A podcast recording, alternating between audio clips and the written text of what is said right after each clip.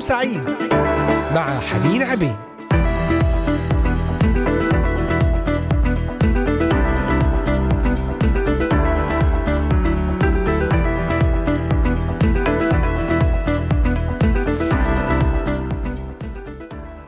أهلا وسهلا بكم أحبائي المستمعين والمستمعات أينما كنتم تستمعون إلينا.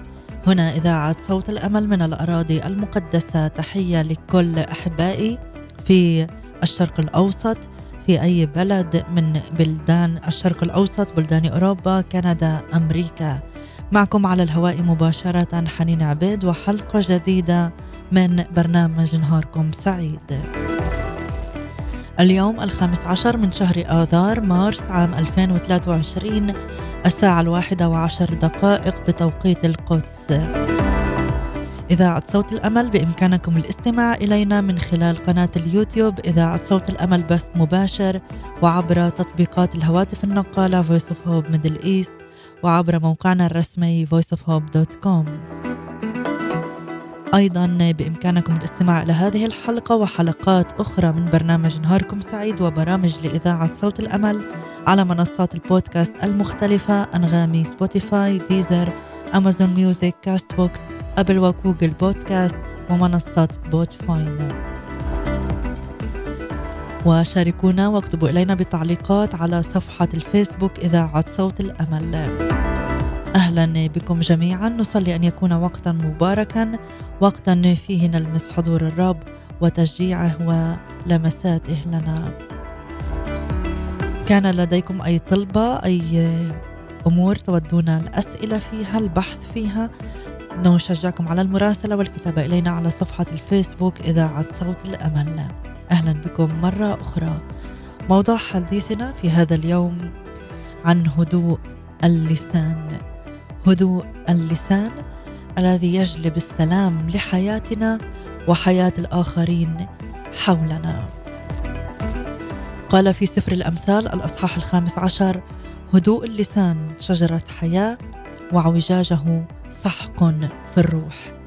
هدوء اللسان شجرة حياة وعوجاجه سحق في الروح. وأيضا قال لا تخرج كلمة ردية من أفواهكم في العهد الجديد. فإما أن نحيي بكلماتنا الخارجة من أفواهنا الآخرين وإما أن نميتهم. ولهذا تحذرنا كلمة الله من كلامنا وطريقة استخدام ألسنتنا. ويوصينا الرسول بولس في هذه الآية من رسالة أفسس الأصحاح الرابع. الآية التاسعة والعشرين قائلا لا تخرج كلمة ردية من أفواهكم بل كل ما كان صالحا للبنيان حسب الحاجة كي يعطي نعمة للسامعين. وهو يحذرنا من الكلام السلبي الذي يخرج من شفاهنا والذي يجعل الآخرين يفشلون ويستسلمون. كما يجب أن لا نتفوه بكل ما هو رديء بل كل ما هو بركة سواء عن أنفسنا أو عن الآخرين. يقول كاتب سفر الأمثال إن أعوجاج اللسان يسحق الروح أي روح الإنسان. وهذا الانسحاق هو الاكتئاب الذي يصيب الناس اليوم ينتج عن الأفكار السلبية والكلمات سواء كانت كلماتنا نحن أو كلمات سمعناها من الآخرين. فلا يجب أن نسمح لأفواهنا أن تؤذي أو تهدم أو تفشل الآخرين بل يجب أن نستخدمها لنشفي ونسترد ونبني الآخرين. باسم الرب يسوع المسيح. يا رب نصلي أن تستلم هذا الوقت وهذه الكلمات وهذه الحلقة. بارك على أحبائي المستمعين يا رب. من انضموا إلينا الآن من لديهم احتياجات سواء احتياجات مادية سواء احتياجات نفسية روحية أمور في البيوت في العائلات أمور في العمل. أنت قادر على كل شيء. باركنا صد على هذا الوقت. افتح قلوبنا وأذهاننا لكلامك. انر عقولنا. وغيرنا باسم يسوع المسيح. آمين. بغني بين الناس. أنا لي إله عظيم. مع أنجليكا وسام. ومن ثم نعود ونكمل في حديثنا لهذا اليوم ضمن حلقة نهاركم سعيد.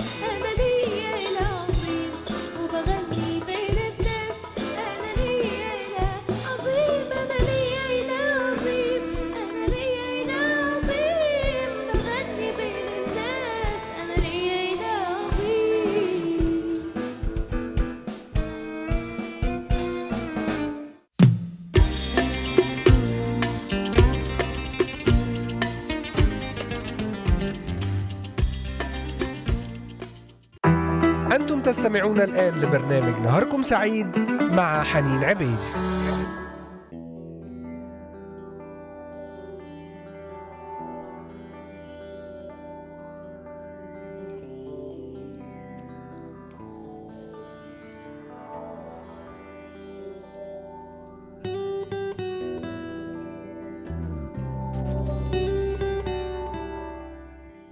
عدنا إليكم أحبائي المستمعين بعد هذه الترنيمة المباركة مع أنجليكا وسام بغني بين الناس أنا لي إله عظيم.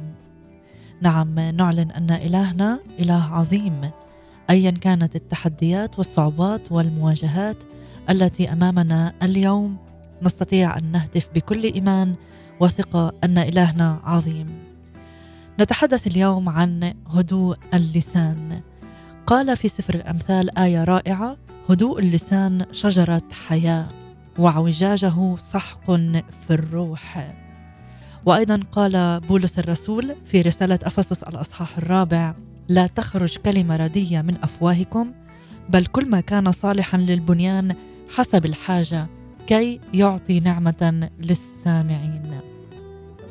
لا تخرج كلمة سلبية من شفاهنا كلمة تجعل الآخرين يفشلون ويستسلمون وييأسون. كما يجب أن لا نتفوه بكل ما هو رديء والسيء عن أنفسنا وعن الآخرين. اعوجاج اللسان يسحق الروح أي روح الإنسان. اعوجاج اللسان يسحق الروح يصيب بالاكتئاب وأفكار سلبية. اغلب الشر بالخير. رسالة روميا الأصحاح الثاني عشر يقول لا يغلبنك الشر بل اغلب الشر بالخير. يريد الرب أن يعلمنا أن العالم يمتلئ بكل ما هو جيد وخير كما يمتلئ بكل ما هو فاسد وشرير تماما كما تمتلئ حياتنا بالخير والشر لأننا نعيش في العالم. ستكون هناك أشياء تسرنا وتبهجنا كما سيكون هناك ما نفضل أن نكمل مسيرتنا في الحياة بدونه.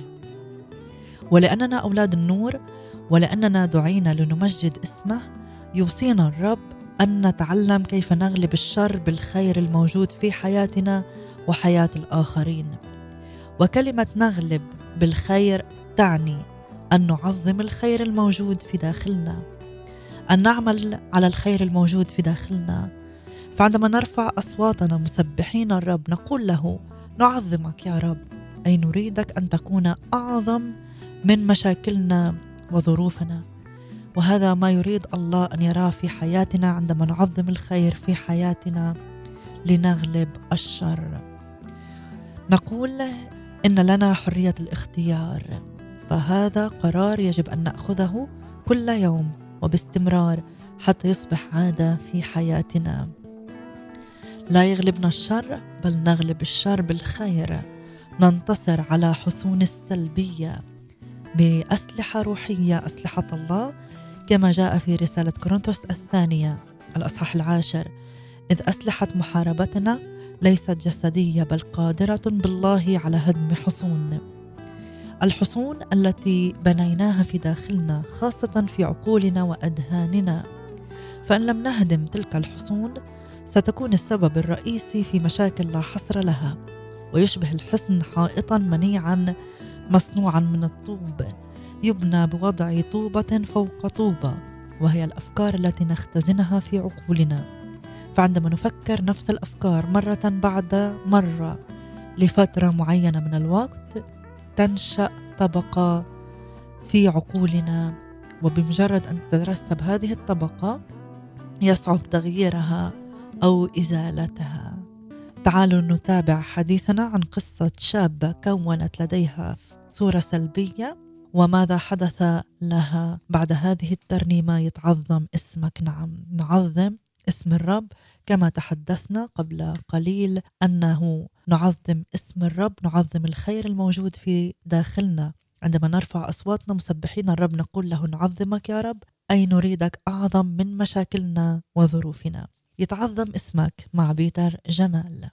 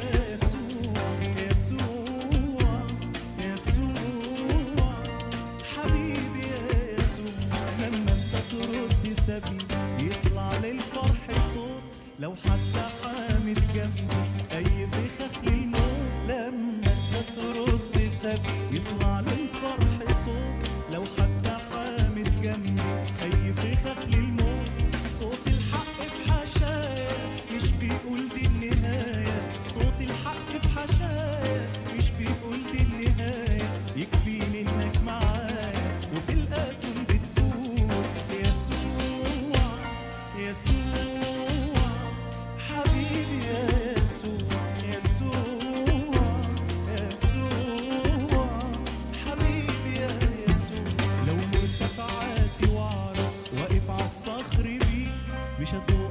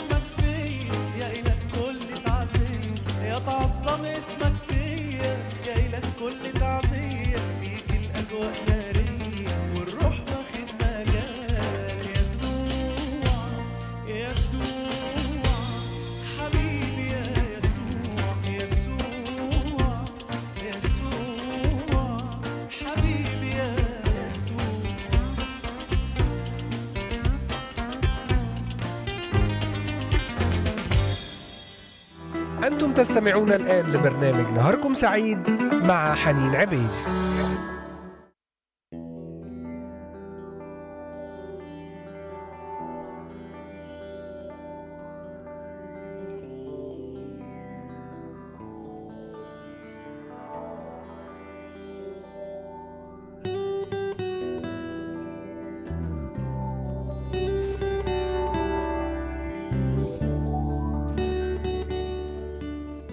يتعظم اسمك فيا يا إله كل تعزية. نعم يتعظم اسم الرب يسوع في حياتنا.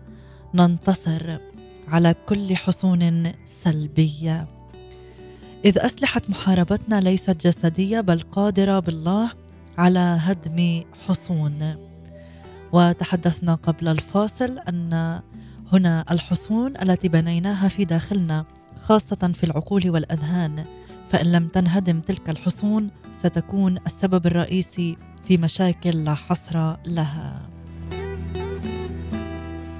وقلنا أننا سنتحدث عن شابة كانت لديها صورة سيئة أو تكونت لديها صورة سيئة عن نفسها لأنها كانت محاطة طوال الوقت بأشخاص يخبرونها أنه لا فائدة منها وأنها لن تنجح في المستقبل فكبرت وهي تكرر العبارات التي سمعتها من الناس عن نفسها. لا فائدة مني. لن أكون ناجحة في يوم من الأيام. لا بد أن هناك عيبا في حتى أن احدا لا يحبني ولا يحسن معاملتي. أحبائي دعونا نفهم أن وجود حصون من هذا النوع في حياة الناس هو نتيجة تفكير سلبي. طريقة تفكير سلبية لربما عانيت منها أو تعاني منها الآن. وهكذا هي كلماتك عن نفسك. سبب وجود هذه الحصون من السلبية في حياتنا هو أحداث سلبية كثيرة وقعت لنا في الماضي وأمورا سلبية كثيرة قيلت عنا. فنشأنا في بيئة سلبية محاطة بأشخاص سلبيين كانوا ينظرون إلى الأمور بنظرة سلبية فتعلمنا أن نكون مثلهم.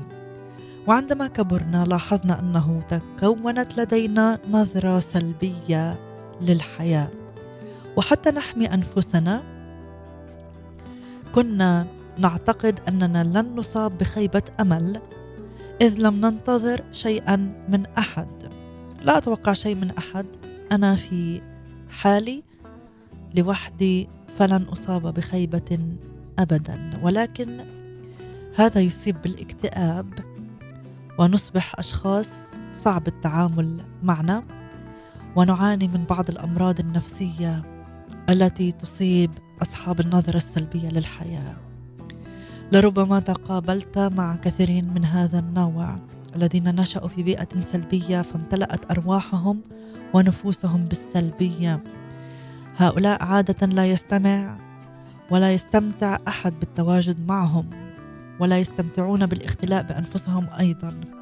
ولكن ولكن توجد وسيلة للتغلب على هذه السلبية إن كنت تعاني من هذا الأمر. ما هي الوسيلة؟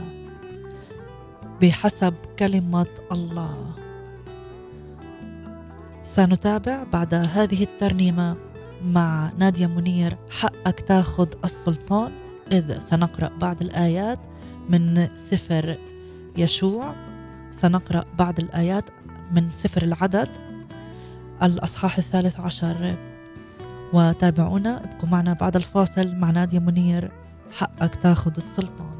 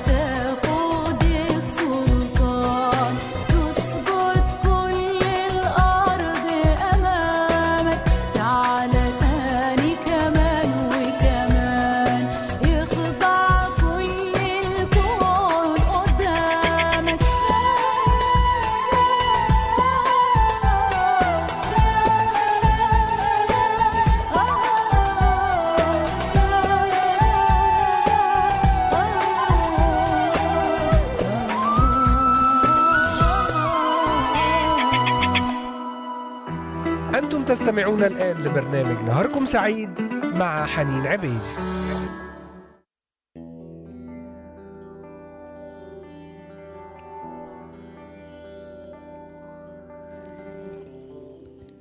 نعم ما أجمل كلمات هذه الترنيمة مع المرنمة نادية منير. املى عيني وتبقى الواحد.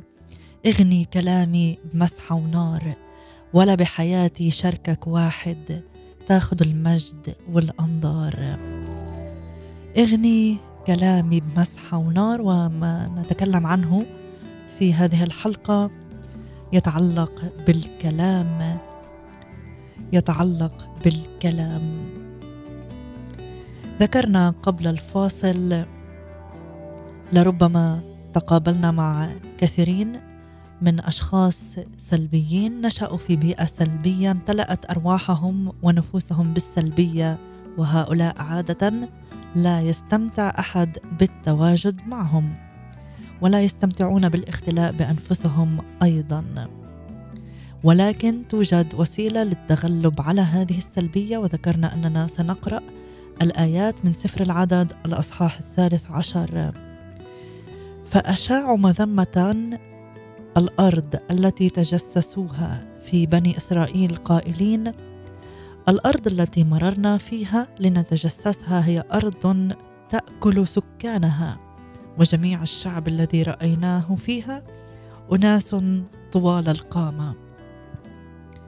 في هذه الآية يظهر حق كتابي لابد أن ندركه.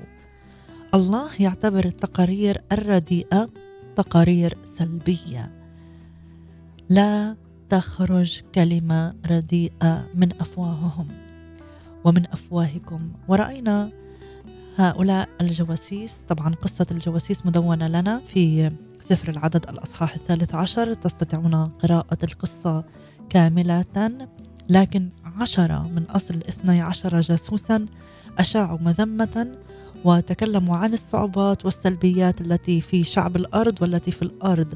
اثنان فقط تكلما بالإيمان قائلين نصعد ونمتلكها الرب لا يوصينا أن نمتنع عن الكلام السلبي عن ظروفنا فقط كما فعل الجواسيس وأدبهم الرب لم يدخلوا الأرض لكنه يوصينا أيضا أن نمتنع عن الكلام السلبي على الآخرين فهل سمعنا عن شخص كامل؟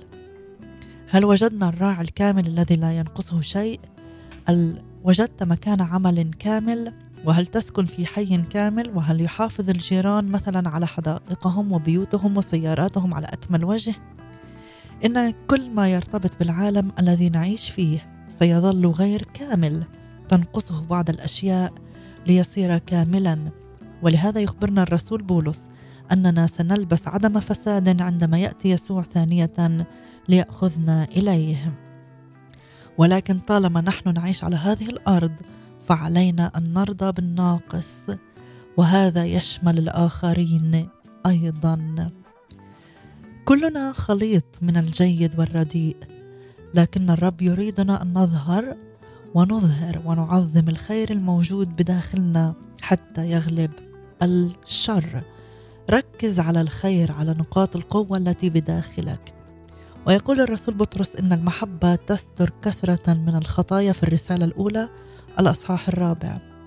وهذا يجب أن نفعله كلنا أن نستر ولا نفضح عيوب الآخرين.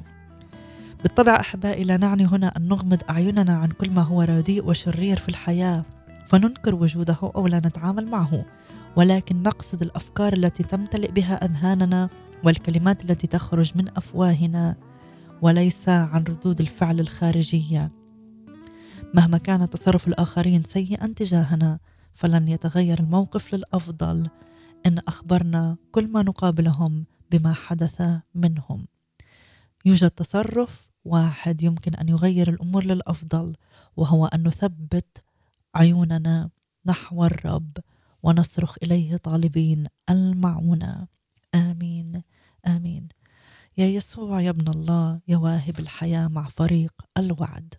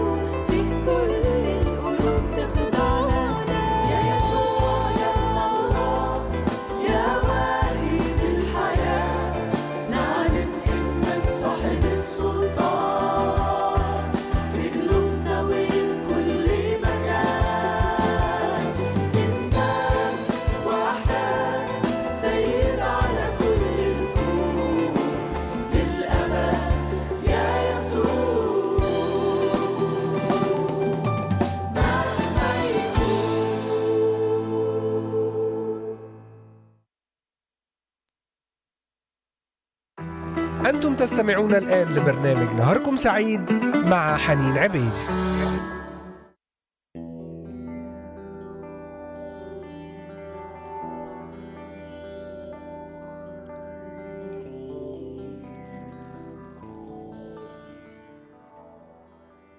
أنت وحدك سيد على كل الكون للأبد يا يسوع مهما يكون.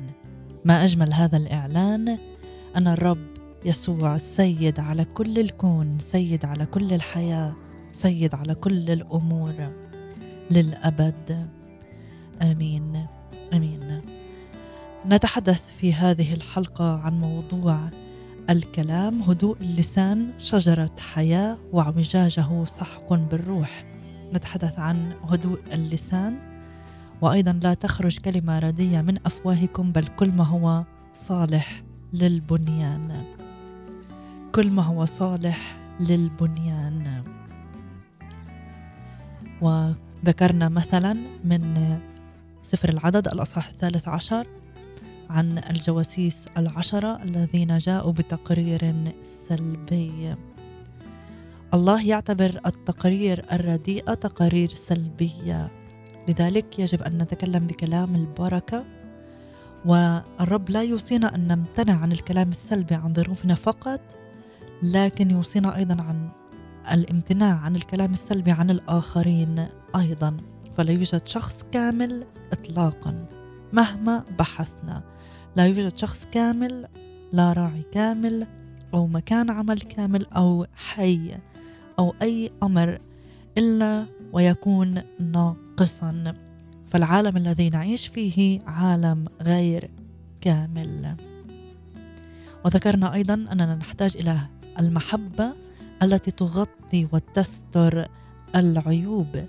وبالطبع أن هذا لا يعني أن نغمض أعيننا عن كل ما هو رديء وشرير فننكره ولا نتعامل معه. لكن لا نملأ أفكارنا بكلمات وأفكار سلبية ولا نقصد الردود الخارجية. يجب أن نتعامل بالطبع مع الشر والخطية. والأمور التي تحتاج مواجهة يجب أن نواجهها باسم الرب يسوع المسيح. فمثلا بدلا من أن نتوجه إلى الآخرين مشتكين متذمرين على ما حدث لنتوجه إلى الرب لأننا في كل مرة نشتكي فيها للآخرين نضيف حجرا جديدا لهذا الحصن الذي بنيناه في حياتنا. بالطبع هذا لا يعني أيضا أن لا نتحدث عن مشاكلنا وظروفنا مع الآخرين. فنحن في بعض الأحيان نحتاج إلى مشورة بخصوص أمر معين. ويجب أن نتحدث هنا بصراحة عن مشاكلنا. علينا أن نفصح عنها مع شخص قادر أن يغير الموقف أو يغير الظروف لصالحنا. لكن مجرد نقل الأقاويل عن مواقف سلبية معينة لن يفيد شيئا بل قد يزيد الوضع سوءا. هنا أحبائي مرة أخرى لا نقول أننا لا يجب أن نتحدث عن مشاكلنا على الإطلاق ولكن يجب أن نفعل ذلك بغرض وبهدف ومع شخص يضعه الرب أمامنا. قال الرب يسوع في إنجيل متى الأصحاح الثاني عشر إننا سوف نعطي حسابا على كل كلمة بطالة ردية شريرة خرجت من أفواهنا وعلينا أن نتذكر هذه الحقيقة جيدا. عندما نبدأ في الحديث. وتلك هي الخطية التي سقط فيها الجواسيس والتي بسببها أدبهم الرب عندما قدموا تقريرا سلبيا لموسى ولشعب إسرائيل. ماذا تختار؟ خبر سيء أم خبر صالح؟ سنتابع في الحديث بعد هذه الترنيمة مع لبيب مشرقي أنت صالح. ابقوا معنا.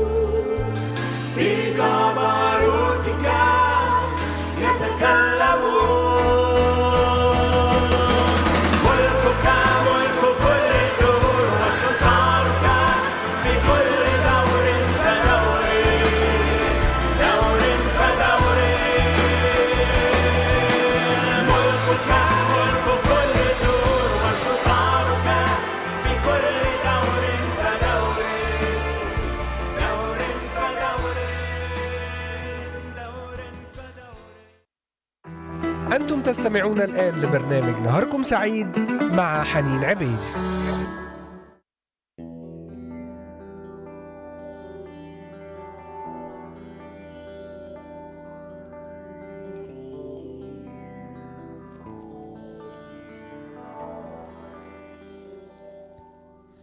خبر سيء أم خبر صالح؟ تأملنا في قصة الجواسيس الاثني عشر في سفر العدد الأصحاح الثالث عشر. الآيات الخامسة والعشرين حتى الثامنة والعشرين. رجع الاثنا عشر جاسوسا من رحلة التجسس التي قاموا بها إلى أرض الموعد. إلا إن اثنين منهم فقط. عادا بخبر طيب. أما الباقون فأعطوا خبرا سلبيا. ألم يذهب الاثنى عشر جاسوسا إلى نفس الأرض ورأوا نفس الشيء؟ فلماذا إذا هذا التفاوت الكبير في الأخبار؟ هل تعرف عزيزي أن خمسة أشخاص يمكن أن يواجهوا نفس التجربة وينجح واحد منهم فقط في التغلب عليها؟ بينما يفشل الأربعة الآخرون بسبب الاختلاف في نظرتهم لهذه التجربة. هذا هو السر الاختلاف في النظرة. فلماذا هذا الاختلاف؟ لأن هذا الشخص اختار أن يعظم الخير بينما اختار الآخرون أن يعظموا الشر. لهذا نتذكر النقطة التي تحدثنا عنها قبلا أن كل ما نعظمه يزداد حجما في عيوننا قبل عيون الآخرين تماما مثل ما حدث مع شعب إسرائيل وعمالقة أرض كنعان. إن ما نتحدث عنه سوف يصبح حقيقة في حياتنا سواء كان سلبيا أم إيجابيا. لهذا احتفظ بإناء حياتك وأفكارك وقلبك نقيا نظيفا نافعا لخدمة السيد. في تيموثاوس الثانية الأصحاح الثاني الآيات العشرين والحادية والعشرين ولكن في بيت كبير ليس آنية من ذهب وفضة فقط بل من خشب وخزف أيضا وتلك للكرامة وهذه للهوان فإن طهر أحد نفسه من هذه أي من كل ما هو نجس من كل ما هو غير لائق يكون إناء للكرامة مقدسا نافعا للسيد مستعدا لكل عمل صالح في كثير من الأحيان يصعب علينا ألا نتحدث عن مشاكلنا فهل تعرف لماذا؟ لأننا نريد أن يرث الآخرون لحالنا ولكن الحقيقة هي أننا سنفقد كل من هم حولنا لو لم نتوقف عن الحديث عما نشعر به وعما يحدث لنا من أمور غير مسرة. من المؤكد أن نرهق الناس بأخبارنا السيئة حتى لو كانوا من أكثر المحبين والمهتمين بأمورنا. فمهما كانت محبة الآخرين لنا فإنها لن تكفي لترغيبهم في سماع الأخبار السلبية والسيئة يوما بعد الآخر. ربما لأن لديهم من مشاكلهم الخاصة ما يكفي. وهذا كلام منطقي. فكم واحد يستطيع أن يستمع لمشاكل شخص آخر طوال الوقت؟ وأن وجد مثل هذا الشخص فمن المؤكد أنه بحاجة إلى المشورة والصلاة. لكل منا مسؤوليات تجاه الأخبار السيئة. أولهما أننا يجب أن لا ننقلها وثانيهما أننا يجب أن نرفض سماعها. على كل منا مسؤولية أن لا نتحدث بسلبية مع الآخرين وأيضا أن لا نسمح لهم بنقل الكلام السلبي. أن نعين بعضنا البعض حتى نتخلص من التفكير والتحدث بطريقة سلبية عن أنفسنا أو عن الآخرين وعن ظروفنا وعلينا التعامل معها. باسم الرب يسوع المسيح. باسم الرب يسوع المسيح. يا رب غير توجهنا ونظرتنا للأمور والظروف التي حولنا. اجعلنا نرى أنك تتعظم فيها وأنك أنت القوي وأنت السائد فوق كل شيء. ما نعظمه هو ما ينجح في حياتنا وما يكبر. لذلك يا رب نعظمك ونعظم كلمتك ونحمدك لأنك أنت حي وأنت قادر على تغيير كل ظروف. وكل أشخاص صعبة حولنا. لك المجد والحمد. اختم على هذا الكلام. بارك أحبائي المستمعين وبارك بقية يومنا باسم يسوع المسيح. آمين. أشكركم على حسن المتابعة والإصغاء أحبائي ونختتم هذه الحلقة بترنيمة لكل الحمد. يا إلهي ونلتقي بنعمة الرب عند الواحده ظهرا في حلقة جديدة من برنامج نهاركم سعيد. إلى اللقاء. thank you